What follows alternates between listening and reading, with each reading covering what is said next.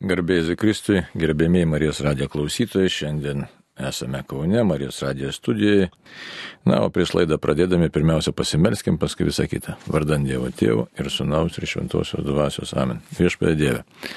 Tu pašaukė mus gyventi, davė gyvenimą kaip ir dovaną, ir uždavinį, ir kelią pas tave. Nelengvas tas kelias žmogaus, šiandien minim šventosius Korejos kankinius. Tu taip įkvėpė drąsų ryštą jiems, iš tikrųjų, kad jie nebijoja savo gyvybės kainą paliudyti tikėjimą, paliudyti tikėjimą prisikėlimu, Dievo gerumu, Dievo meilę. Neišsigando, nepabūgo kankinimu, grasinimu, mirties. Taigi labai prašom, siūskiri mūsų širdis šventą dvasę į mūsų protus, kad pamiltume Dievą, pažintume Dievą, tave, atrastume save kaip mylimus Dievo vaikus, per kuriuos tu keiti pasaulį ir kuriuos tu vedi pas save trauk mus iš visų tamsybių, kurios mums grėsia ir vesk jam žinai šviesą, kur tu vienas trybė Dievi gyveni ir viešpatoj per amžius. Amen. Taigi, norėtųsi šiandien pakalbėti tokiam rimtom temom, katekizminėm temom. Dabar kodėl toj pasakysiu. Taip, žiūrim, iš tikrųjų reiktų ir reikia kalbėti apie, labai daug kalbėti iš tikrųjų apie laisvę, apie pašaukimą žmogaus, nes tie dalykai labai tampriai susiję apie gyvenimo prasme. E, juolab, kad mūsų tai laikmečių labai reikalinga. Ir dabar kodėl reikalinga? Todėl, kad e, tų laisvių įvairių paplito, bet ką mes matome? Daug žmonių susirūpinusių įvairiais dalykais, e, gerbuvių, daug žmonių, kurie besiskundžia, kad štai kažkas mano gyvenime ne taip, kažkas vyksta ne, netrodo, kad nesiseka, neretai žmonės ir kreipiasi ir pas kunigus, ir pas įvairius e, specialistus, ir nespecialistus, ir pas visokius net ir šarlatanus, ir sako, man kažkas netaip gyvenime, kažkas nesiseka. Kažkas nevatai mane prakeikė ir dar tie šarlatanai pantrina, taip taip prakeikė, tada žmogus dar pinigus išleidžia neva prakeikimui kažkokiam pašalinti, ar taip sako liaudis nuimti, nu, žodžiu, pasineria tokiai kažkokiai tai, na, neiškioj mąstymo na, migloj, galim tai pavadinti. E, dar su kuo susidurėm, daug šeimų, tikrai nemažai šeimų kenčia nuo vienokios ar kitokios vieno ar kitos mens priklausomybės. Kas priklauso nuo interneto, kas priklauso nuo alkoholio, kas nuo narkotikų, lošimų, pornografijos. Ir tai visa vyksta šeimose. Žiūrėkit, jaunos šeimos atrodo, kaip viskas ir būtų gerai, bet e, ar vienas, ar antras, ar, ar vyras, ar moteris, tai, pavyzdžiui, iškyla, čia labai konkretus dalykai, kad štai iškyla e, priklausomybė nuo pornografijos, nuo masturbacijos ir toks nevaldomas dalykas, kad štai atrodytų logiškai imant, turi vyras žmoną, žmona turi vyrą ir mes šventą raštą atsiverčiam ir kas ten parašyta, kad štai e, turi pareigą viens kitam, nes apaštalas Paulius ką sako, neturi galios ir valios savo kūnui pats, bet e, jeigu vyro atveju tai žmona tau turi galę tavo kūnui, o moteris neturi irgi savo valios ir galios savo kūnui, bet vyras. Na, ir tas į, paskui bažnyčios mokyme aiškiai įvardinta kaip Kas tai yra, kad privalai, net jeigu žiūrėsim kanonų teisę, tai senesnė kanonų teisė iš vis taip gana griežtai apibrėždavo, kad privalai atlikti sutoktinių pareigas. Tai atrodytų, e, kodėl dabar aš kalbu, štai kad tai paplitęs dabar mo, toks varginantis elementas. Taigi atrodytų, kad vyras turi žmoną, žmona vyrą ir gali ir mylėti viens kitą, ir aistras užgesinti dėja. Neretai e, būtent bendram sugyvenimui trūdo tokia priklausomybė kaip pornografija ir masturbacija. Ir kitas asmo toje santokoje jaučiasi pažemintas, nereikalingas, nu, jaučiasi nemaloniai švelniai sakant. Tai va. Jau nekalba apie alkoholį, narkotikus, lošimus, aiškiai, tai daug tokių dalykų. Tikrai nemažai ir nemažai gražių šeimų atrodo galėtų būti tikrai gražios šeimos, tačiau dėl tų priežasčių, sakysim, ar ten lošimas, ar alkoholis, ar mano minėtas priklausomybė pornografijai, sukelia įtampas ir tai suprantama, ir dinksta šeimoje vienybė, ir atsiranda pykščiai, nesutarimas ir dinksta tarpusavio laimė. E, tai čia tik tai kokta tokia užvedžio tokia kaip iliustracija, reiškia, kas vyksta. Dabar Kodėl tai vyksta? Ne? Tai gali būti žmogus ir vienas, jisai neranda savęs, neranda savo tapatybės, arba ieškodamas savęs nueina įvairiausius kelius, keliais nueina. E, tai žiūrėkit, e, Virkiš sako, išbandžiau tą ir aną, trečią ir ketvirtą, ir žolę rūkiau, ir narkotikus ten ir atleidausi, ir, ir ruoščiau, tai čia vėlgi toks negatyvus pavyzdys. Ne?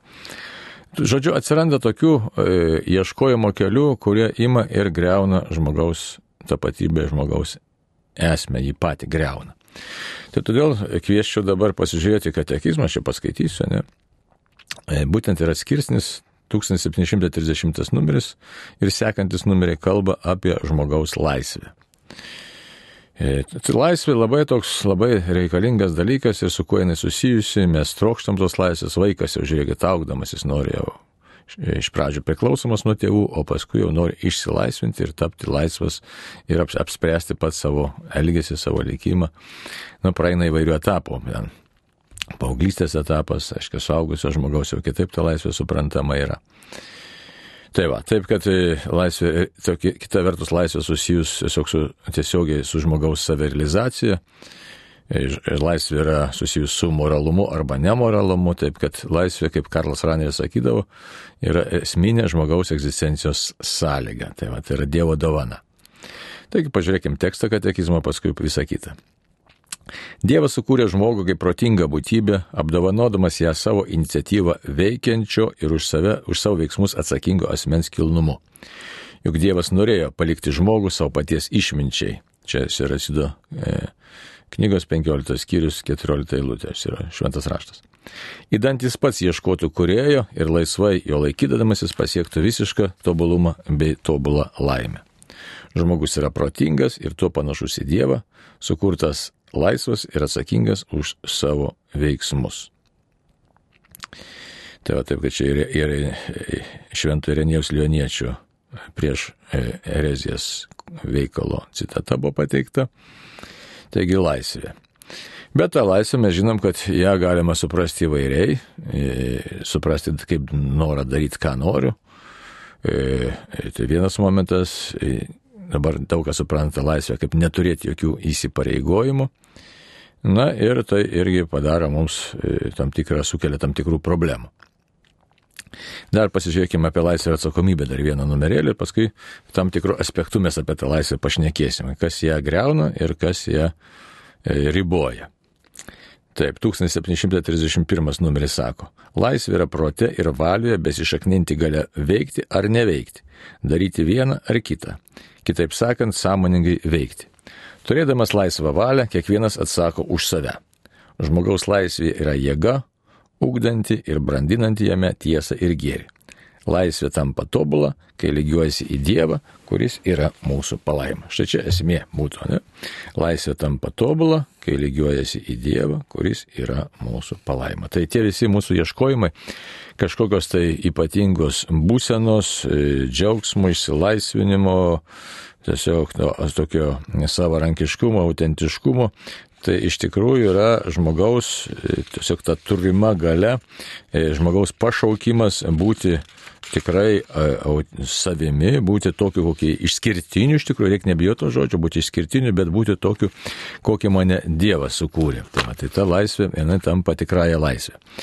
Bet jinai tampa tikrąją, kai mes lygiuojamės į Dievą. Čia gražiai pasakyta, čia, aiškiai, čia bažnyčios mokymas. Tai dabar e, e, dar kitas momentas, kad laisvė, tai e, tiesiog, kadangi susijus su Dievu, tai reikia pastovi apsispręsti už Dievą. Ką reiškia apsispręsti už Dievą? Tai apsispręsti už Dievą, tai tiesiog visą laiką savęs klausti, ko vertas mano elgesys, ko vertas mano mąstymas, ko vertos, verti mano keliai gyvenimiški, ko verti mano pasirinkimai ir taip toliau. Ir tai dabar čia turim tokią problemą labai rimtą mūsų laikmečio. E, matai, mokėsi mokyklai. Negirdisi, ja? Mokėsi mokyklai. Mokiausi, aišku. Na ir ką ten mokino mokyklai? Aišku, čia kol jis atsakys, daug dalykų mokina, ne? Na, tai aišku, daug viską mokino. O kuri disciplina buvo, kuri mokino mąstyti? Kurią galėtume pavadinti? Tai... Mąstymo mokykla mokykloje gal pedagogika tokia labiau yra į, tiksl, į tikslius mokslus, į biologijas visokias, į, o mąstyti nu, nu, nu, priklauso turbūt nuo pedagogo, kuris moko bet kurią discipliną. Gal, aišku, jeigu tikybą mokaisi ar etiką mokaisi, tai gal kažkiek pamokysi ar filosofijos, ar, ar uh, tikėjimo, jeigu tikyboje, ar, ar kažkokio vat, sąmoningo tikėjimo, bet šiaip turbūt nuo mokytojo priklauso, sakyčiau. Taip, bet esmė yra ta, kad nėra tokios disciplinos šiandien Lietuvos mokyklose, kuri mokytų mąstyti, ne, jeigu kalbėtume taip. Tai taip.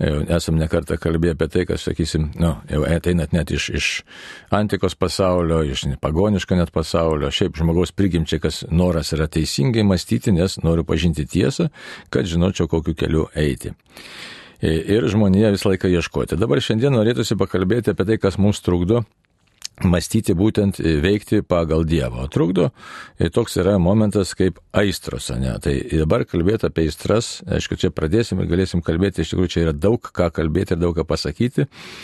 E, e, nes tas aistrų buvimas, aistringumas, e, kaip mes jį suprantam, reikia pirmiausiai išsiaiškinti, nes irgi krikščionybės eigoje, tos ir ne tik krikščionybės, bet žmonijos, reikia sakyti, istorijos eigoje, aistros nevienodai suprantamos, nevienodai traktuojamos ir nevienodai vertinamos. Bet visi, e, ar tai būtų pagoniški mąstytojai, ar krikščioniški, visi supranta ir įvardina, kad aistros gali apriboti žmogaus laisvę. Gali ir įtakoti ją ir kartais gali labai stipriai apriboti, o kartais gali tą laisvę ir padėti realizuoti. Jis įdomi, reiškia tai. Dabar, aišku, kas tai būtų ta aistra. Mes dažnai girdim, kad aistra, aistringumas kaip ir geras dalykas, e, ten gali kažkas tai rašyti įvairių dalykų, ar poezijoje, ar ne poezijoje, kalbėt, kalbant apie aistringumą. Tačiau, krikščioniškai žiūrint, aiškiai yra keli dalykai, dėl kurių reiktų pas, tiesiog padaryti tokias skirtumus, tokius įvardinimus. Ne visą laiką tai, ką mes pavadiname aistra, visą laiką buvo bažnyčiai vadinama ir dabar yra vadinama aistra. Šiek tiek skiriasi niuansai. Tai va. E, tai dabar galėtume žiūrėti, kad yra taip.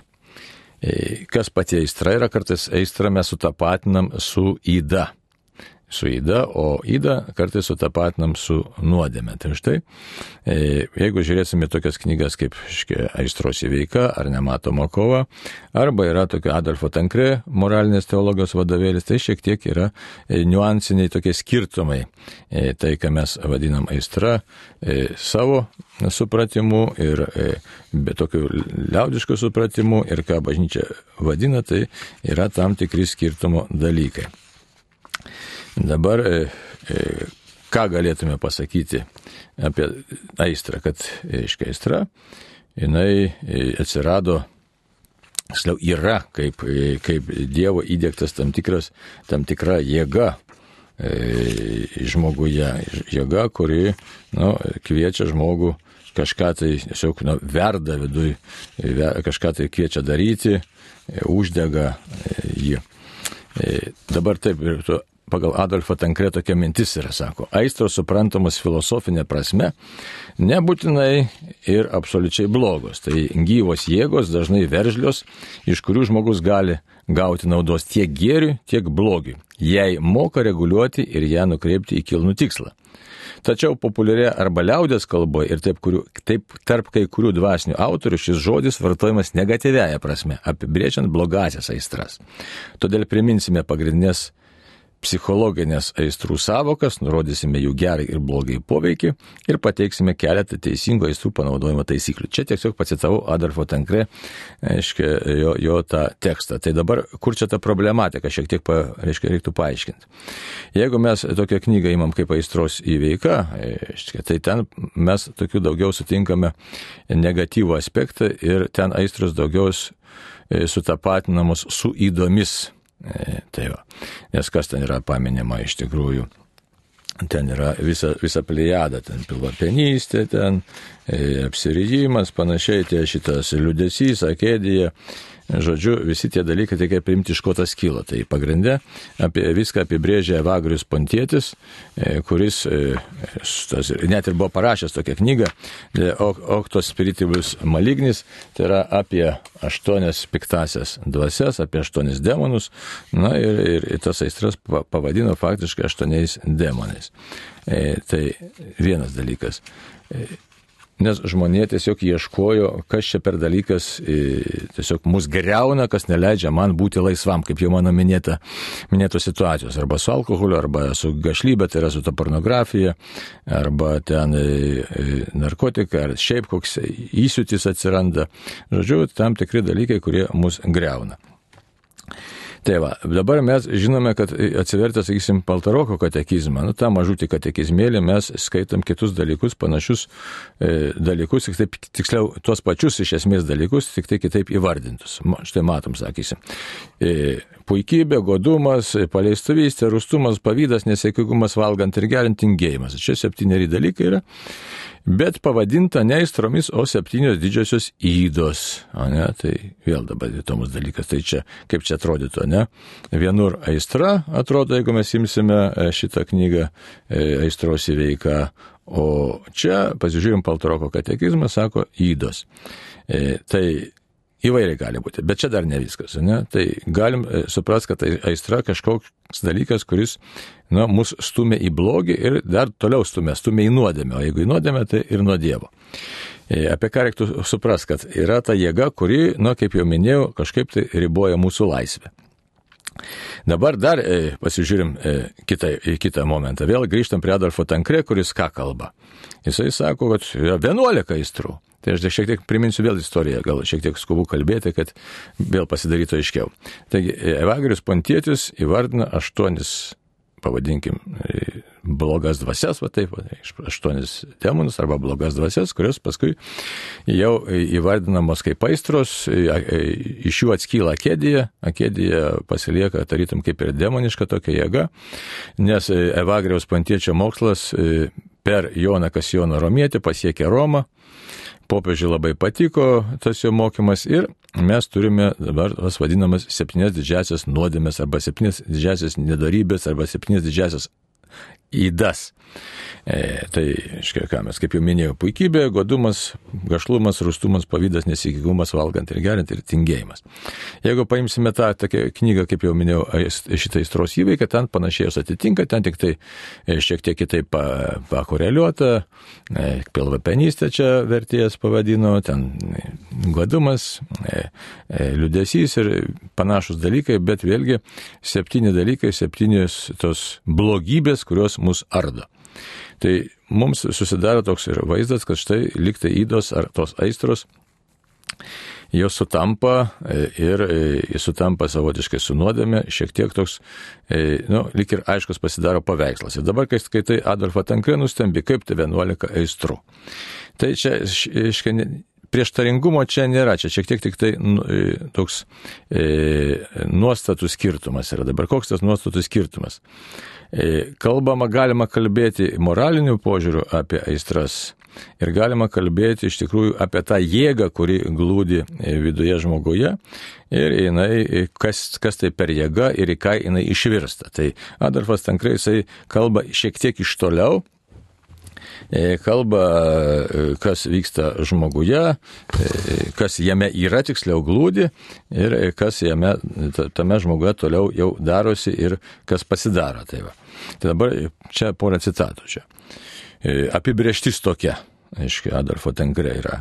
Jis, jis irgi kataliko e, bažnyčios, aiškiai, iš tikrųjų pripažintas tas mokymas ir tik taip kaip ir paaiškinantis toks. Aistros tai veržlus jūslinio troškimo judesiai, E, judantis jūslinio gėrio link, turintis daugiau ar mažiau stiprų poveikį organizmui. Tai va, tai čia yra, štai yra, kad tiesiog verslus, veržlus kažkokia tai judesiai, judėjimas e, ir e, žmogus tiesiog jame yra tos aistrus, jos tvarkingos ar netvarkingos, čia dar kol kas nekalbam apie tai, kad ten nuodėmės į, iškia, iškreiptas ta prigimtis ir na, tos, nu, tie judesiai pasidaro netvarkingi, jie jau čia yra vėlesnis dalykas. Ir tada mes galim kalbėti, galim kalbėti būtent apie tas aistras, kurias ir įvardina kaip jau septynės mums žinomas, plus akedija. Tai. O šiaip pasirodo, žmogaus prigimtyje yra tas aistringumas, yra jėga, dar galim tai pasakyti, tai stipri jėga ir ta jėga daro žmogų, nu, tokį gebantį kažko tai siekti e, arba vengti. Bet kadangi nuodėmė paveikia žmogų, tai būtent ta jėga glūdinti žmoguje gali ir iškrypti ir tas ir vyksta, tada jau mes patenkame į tą sampratą, kurią pateikia Evagrius Pontėtis, kurią pateikia paskui popiežius ir pateikia ir Paltaroko katekizmas. Tai dabar pasižiūrėkim, kodėl Tankrė kalba apie, apie šitą tas 11 aistrų, tai pasakysiu. Įdomybė yra ta, kad e, šiaip labai įdomu, nes jeigu žiūrėsim ir apie aistrų atsiradimo priežastis tokiu blogąją prasme, tai arba neutraliąją prasme, arba gerąją net prasme, tai atsakymą dvasinio autorių iš esmės rasime panašų. Visi sakys, vieni sako, kad štai aistros atsiranda dėl to, kad e, e, veikia savimėlė, bet dar giliau žiūrint, aistros atsiranda tiesiog kodėl, kad jos yra sąlytė su meilė, įsivaizduoju.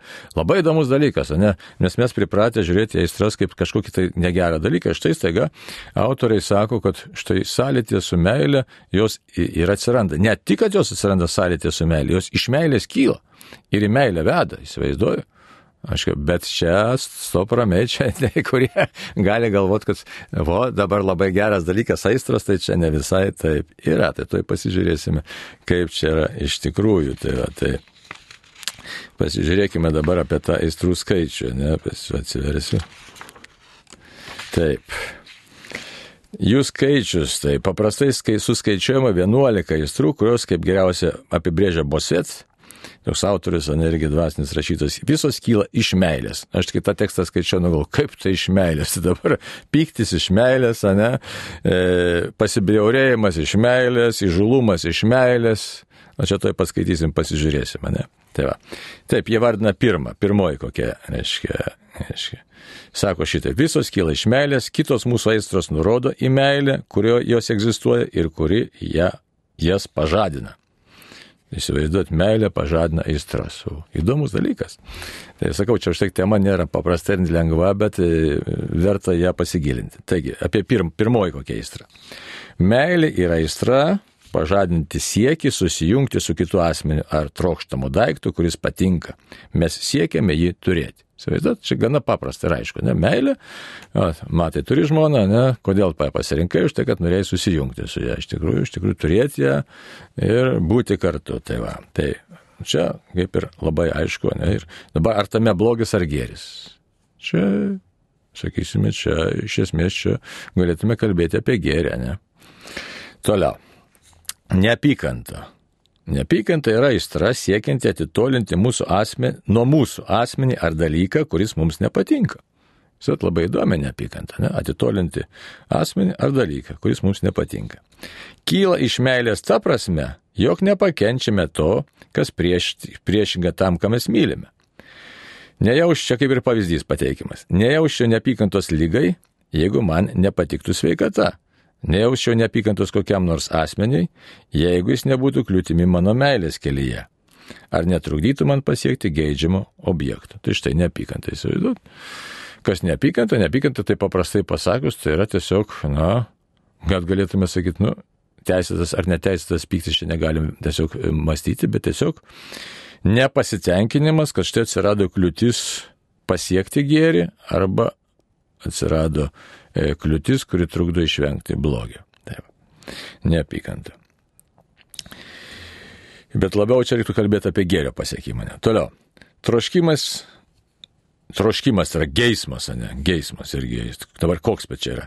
Yra trūkstamo gėrio paieška.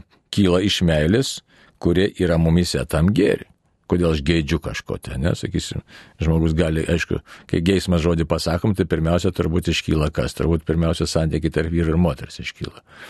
Bet nebūtinai gali būti, ir įvairių geismų gali būti, čia žinai, tas gali būti šiaip, bet čia filosofiškai kalba aplamai, apskritai apie, apie tai, kad trūkstamo gėrio. Bet kokiu dar matai galėtų būti geismo, aš dabar galvoju, ką galim geisti? Trokšti, žmogus, nu. Turtų, kokiu galim valdžios trokšti. Galių, ne. Visokių galių. Žinių, o, tiksliai, žinių net gali būti geismo. Žinių. Ja. Tai va, toliau, pasibjaurėjimas arba pasišlikštėjimas, arba čia nesiuk, nu, įvardinamas čia to paties, to, to, tos pačios aistros, reiškia, pasibjaurėjimas, pasišlikštėjimas arba vengimas, pasitraukimas, pabėgimas. Tai yra gale, kuri padeda išsisukti nuo artėjančių problemų, nuo artėjančių bėdų. nuo grėsinčių, va, įsivaizduot, štai pasišlikštėjimas. Kažkas man nemalonaus, nu, aišku, labai taip nemaloniai skamba pasišlikštėjimas, bet taip pat parašyta. Gerai, linksmumas. Kas yra linksmumas? Ne? Tai yra malonumo potyris besidžiaugiant esamų gėrių. Nu, škai, linksmumas čia nėra toks, sakysim, pats jau džiaugimasis, bet tiesiog linksmumas iš kažko jisai kyla. Linksmumas kaip aistra kyla. Esu linksmas, čia kažkas mane pažadino tam tokiam linksmumui. Tai, tai yra potyris, malonumo potyris ir jisai pažadina viduje tam tikrą e, būseną. Tai Liūdėsys. Liūdėsys priešingai yra nerimas dėl esančio blogio ir nuo jo tolina. Įsivaizduot, liūdėsys. Štai aš liūdžiu, kad štai e, tiesiog e, nerimastingas dėl esančio blogio, grėsančio, esančio menamo ar tikrai esančio, na, čia kiti dalykai. E, bet kadangi liūdžiu, kad taip yra, tai tada ta aistra mane, aistra liūdėsys neverčia kažką tai, ko gero, verčia keisti. Mes paprastai, kai sakom liūdėsys, tai priimu gana kaip pasyvų tokį dalyką. Bet čia nekalbama pasyvų dalyką. Tai va. Toliau. Įdomi aistra įžulumas arba nutrūktgalviškumas arba drąsa, bet ten tai niuansas. Drąsa visai čia negalim pavadinti daugiau. Kalbama apie įžulumą. Iškia, nu, tai čia toks keista savybė, ne, tas toks nu, nu, nutrūktgalviškumas gal gražiau kalbės skambėtų iš tikrųjų. Įgalina ir suteikia jėgų susijungti su mylimu objektu įgalina ir suteikia jėgų, įsivaizduot, kad štai aš kažko trokštų, nu tai mes tas, aišku, įžulumas tai toks nu, netrodytų moraliai kažkoks geras dalykas, bet nu, nutrūkgalviškumas arba tokia betodariška drąsa gal, tai vienu žodžiu čia net neįvardinsi, kad štai yra drąsos kažko tai siekti, nes žinom, kad jeigu nieko nesieksi, niekur nepasieksi, o čia yra tokia, tai štai čia ar toks neigiamas, ne, ne, ne, apie neigiamą, ne apie teigiamą, tokia, tiesiog štai yra jėga kažko tai siekti. Irgi yra aistra. Iškai, net peržengėt e, baimės ribas. Tai. Toliau, baimė. Baimė verčia atsitolinti nuo blogio, kurio sunku išvengti. Baimė verčia atsitolinti. Štai ten karas, pavyzdžiui, dabar, ne, atsitolinti kažkokios nelaimės. Ir ta aukštis, pavyzdžiui, užlipai kokį didelį aukštį, ar ten be turėklų ir galvoji, kad jau čia negerai. Ar ten dar kažkokios kitos situacijos, nu, kurios yra pavojingos, žmogus tą supranta Ir ta baime, kaip tiesiog tampa savisauga ir sako, kad štai tu nuo šį čia pasitraukti. Štai irgi, jeigu neturėtum tos baimės, tai čia ar gerai ar blogai. Kartais baime tokia gali būti gerai, kartais gali būti blogai. E, nes jeigu blogai busim tada, kai... Mm, bet jeigu jos neturėjimas irgi gali būti blogai. Arba kai baime per didelė vėlgi. Toliau, viltis, įsivaizduot, viltis labai įdomi čia. E, ne, ne apie tą viltį kalbama, kuria iš e, dieviškų darybių, aiškia, o viltis kaip aistra, ne. Aistra kaip įdomi, ne. Viltis, e, aistra pavadinta, dalis kažkokios aistros pavadinta viltimi. Tai yra ta aistra, kuris su įkarščiu veržiasi link norimo objekto, kurio pasiekimas yra ganėtinai problematiškas ir sunkus. Štai. Štai atrodo, Nu, kažk, pavyzdžiui, kažinau, kas nors, sakysim, labai sunkiai, kokios nors, kaip anais dar laikais buvo, mano laikais, į medicinos institutą buvo labai sunku įstoti, žmogus stoja iš kažkelinto karto, arba į seminariją buvo labai sunku įstoti, KGB ne, neleisdavo, ir žmogus iš kažkelinto karto vis tiek stoja, stoja, stoja, reiškia, kažkas įverčia, dega viduje varikliukas kažkoks tai ir vis tiek jisai savo atkakliai siekia. Tai čia ta viltis daugiau kalbėti, reiškia, reiktų apie atkaklumą. Tai. E, toliau. Neviltis. Neviltis kyla sieloje, kai norimas objektas pasirodo nepasiekiamas. Štai neviltis, vat, kaip savotiškas nu, nusivylimas. Aiškia, tokia irgi pasirodo yra įstra. Dabar kaip jinai gali deginti, ne, jinai gali tiesiog e, žlugdyti, nusiminimą stumti. Tai, vat. Bet čia nekalba tiesiog apie nusiminimą. Nusiminimas jau yra e, sprendimas tam reikia savotiškas įvykęs, kad štai jau, e, nes vis tiek įvyksta prote. O neviltis tai kyla sieloje, tai neviltis, kad štai e, mano norimas objektas pasirodo, jis man nepasiekiamas ir po to gimsta emocija, net gimsta kažkokia tai emocija. Pyktis. Na ir pyktis irgi aistra. Pyktis smurtingai atstumė tai, kas sukelia mums negerumą ar atrodo bloga ir pažadina keršto troškimą. Įdomu, kad autoriai čia pabrėžia būtent dar ir keršto troškimą. Pyktis reiškia įsiutis, ne tai va. Nu, ir kaip suskirstamos tos aistros, jas įvairiai autoriai skirsto, tai čia matom, kad čia kalba grinai apie tokį, nu, į, į, sakytume, emocinį, jausminį, nu, net pavadinčiau gaivališką kažkokį veikimą žmoguje jėgų, kaip čia ir buvo, reiškia, jūslinio troškimo judesiai, tokie, kaip čia čia pavadins, jūslinis troškimas. Ne, tai. Ir jūslinis troškimas iš esmės gėrė. Dabar kodėl su, su meilė tai susiję, todėl kad iš esmės vis, visos tos aistros, jos bet kokiu atveju, jos iš tikrųjų skiltos siekti gėrio. O maksimalus gėris yra Dievas. Tai e, jeigu jos būtų tvarkingos, tai jos mums padėtų iš tikrųjų siekti gėrio. Bet kadangi žmogaus gyvenimas nu, nėra e, paprastas ir sužeistas nuodėmis, tai tas, e, ta jėga, ga, galim dar kartą pavadinti tiesiog tą gaivališką jėgą arba Dievo įdėtą jėgą, jinai gali e, būti panaudojama neteisingai ir tada prasideda tos komplikacijos ir tada jau atsiranda kitas etapas, būtent kaip mes jau tenka tada kalbėti apie septynis didžiasias aistras arba, nu, arba didžiasias įdas, kadangi tos aistros, jeigu e, formuoja tam tikrą elgesį, tame elgesį įstringi ir tada jau elgesys, kas yra įda. Įda prieš, priešingybė darybei, e, tai yra elgesys, kuris tiesiog įgytas jau tapęs e, įpročių blogas elgesys kaip darybė, įpročių tapęs geras elgesys. Jeigu kalbam apie moralinės darybės. Tai dar, taigi, dabar apie šiek tiek klasifikaciją tų 11 aistrūtų gaivališkos tos jėgos. Pirmos šešios aistros kylančios iš geismingojo prado, nes e, jau mąstytojai, dvasiniai autoriai kalba apie tą tokį įvairius pradus kelius žmonėje, žmoguje. Yra geismingas pradas, yra, reiškia, protingas pradas, yra, e, yra tas tiesiog dvasinis pradas, tai yra kūniškas pradas. Tai Tai kalba apie iš tikrųjų su kūnu susijusi geismingai pradą. Taigi šio laikinio tyrinėtojų vadinamos malonumo ar pasitenkinimo arba geidimo aistromis. Tai penki, šešios, ne? Pirmas šešios. Tai kokios meilė, neapykanta, troškimas, geismas tiksliau, pasišlikštėjimas, linksmumas ir liudesys. Dabar kitos penki yra susijęs su nepasitenkinimo, dirglumo ar izlumo geismu, vadinamos kovingomis aistromis. Tai čia irgi, e, šiaip viskas kyla, tas pažinimas ateina tikrai iš pirmųjų amžių, iš mūsų dikumų tėvų, ką e, būtent apibendrina Vagris Pontėtis. E, taigi, tas kovingumas, kovingumas irgi labai reikalingas yra. Na ir dabar, kaip istorijos bėgė, sakysim, buvo vertinamos aistros, tai nebuvo jos vienareikšmiškai vertinamos ir dabar nėra vienareikšmiškai vertinamos tas e, pradas mumise esantis, tai vėlgi Adolfas Tankrė kaip tiesiog primena, sako, stoikai norėjo įrodyti, jog visos aistros radikaliai yra blogos ir turi būti nus, nuslopintos. Čia skiriasi nuo krikščionybės stoi, stoicizmas, kas domisi filosofija, stoiko mokymą, žino, šiaip labai nu, įspūdingas, toks labai e, e, gražus, man tai patiktų tikrai, aišku, bet čia ne, ne nuo manęs priklauso, žinai, bet yra mokymas, kaip žmogui tapti dorybingu, kaip jam save apvaldyti, kaip iš tikrųjų pasiekti laisvę. Tai yra, kad žmogus taptų savęs viršininku, savęs valdovu. Tai atstoikai sako, kad visos aistros radikaliai blogos ir turi būti nuslapintos. Taip teikia Adolfas Tankrė. Epikūrininkai dievina aistras ir gaisai skelbia, jog būtina jomis pasilepinti. Epikūro mokiniai. Čia irgi filosofijos mokykla atskira, reiškia Romos imperijai.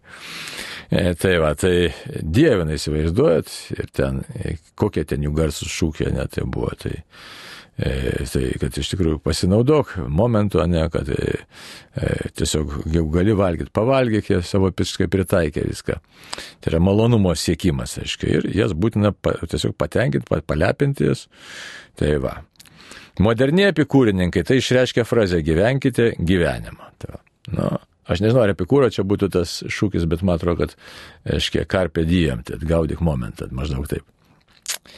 Tai va, krikščionybė. Krikščionybė laikosi vidurio kelio tarp šių dviejų kraštutinumų. Niekas, ką Dievas įdėjo į žmogaus prigimti, negali būti bloga. Negali. Tačiau E, kas įdomu dabar, ką pabrėžia e, tas dvasinis autorius Adolfas Tankre. Pats Jėzus turėjo tvarkingas aistras. Įdomu, Jėzuje buvo aistros, ne? Tai bet mes kalbam ne apie tas septynės, ne puikybę ir taip toliau, bet kalbam apie prigimtį. Tai jau čia nereikia neklysti, nes gali kas išgirdęs sakys, Jėzus buvo aistringas. Nors žiūrėkit, kokios dabar. Mylėjo ne tik valia, bet ir širdimi. Čia dabar koks pavyzdys. Verkė Lozoriaus, verkė neištikimosios Jeruzalės, užsidengė šventų pikčių, kohopė, šventų pikčių, žiūrėkit, užsidegė ne kartą. Ja. Užsidegė pikčių išvarky, išvaikydamas tos iš šventyklos pirklius su jų pinigais ir gyvuliais. Jis e, sako, nedarykit iš mano namų, tėvo namų, reiškia prekybos namų. Tai va, užsidegė pikčių ir ant tų fariziejų, nekartus vadino pabaltinės grabais ir, ir taip toliau, bet tai toliau kentėjo baime, taip, Kalvarijos kalnas, ne, Golgota. Liūdėjo, net kaip įdomu, man tai buvo keista, šitą autorių skaitydamas su viena fraze tai nelabai gal jums klausytojai gal at, bus atsakymas, aiškiai, čia pasakyta, sako, nuobodžiavo. Nu, aš niekaip neprisimenu šventam rašte vietos, kurioje būtų sakoma, kad Jėzus nuobodžiavo. Nu, bet gal jūs rasit, ką nors, tai pasidalintumėt. Tai va. Toliau, e, dar primenu to Adolfo Tankret, tiksliau pateikiu e, mintis, sako, jis mokėjo šias aitras pajungti savo valiai ir Dievo valiai. Tai va, savo valiai ir Dievo valia, o kadangi Jėzus valia su tobulai sutapo su Dievo valia, tai iškart galim sakyti, kad Jėzus jas pajungė Dievo valiai. Kai aistros pasidaro nevaldomos, jos sukelia žalingus padarinius, todėl jas būtina slopinti ir disciplinuoti. Tai iš tiek žiūri laikrodį, ne laikas besibaigiantis, tai pradėjom e, kalbą apie žmogaus laisvę, tai laisvės pasiekiama didelė kaina visom prasmėm. Ir be vidinės kovos ta laisvė iš tikrųjų nebus pasiekta, o kad galėtume žinoti, su kuo kovoti, tai tiesiog reikia pasigilinti, kas yra žmogus ir kas jame Dievo įdėkta ir kaip tai teisingai panaudoti. Ačiū už bendrystę, tai laiminus visus viešpas, melžiamės atsivertimo savo pasaulio taikos Ukrainai. Sudė.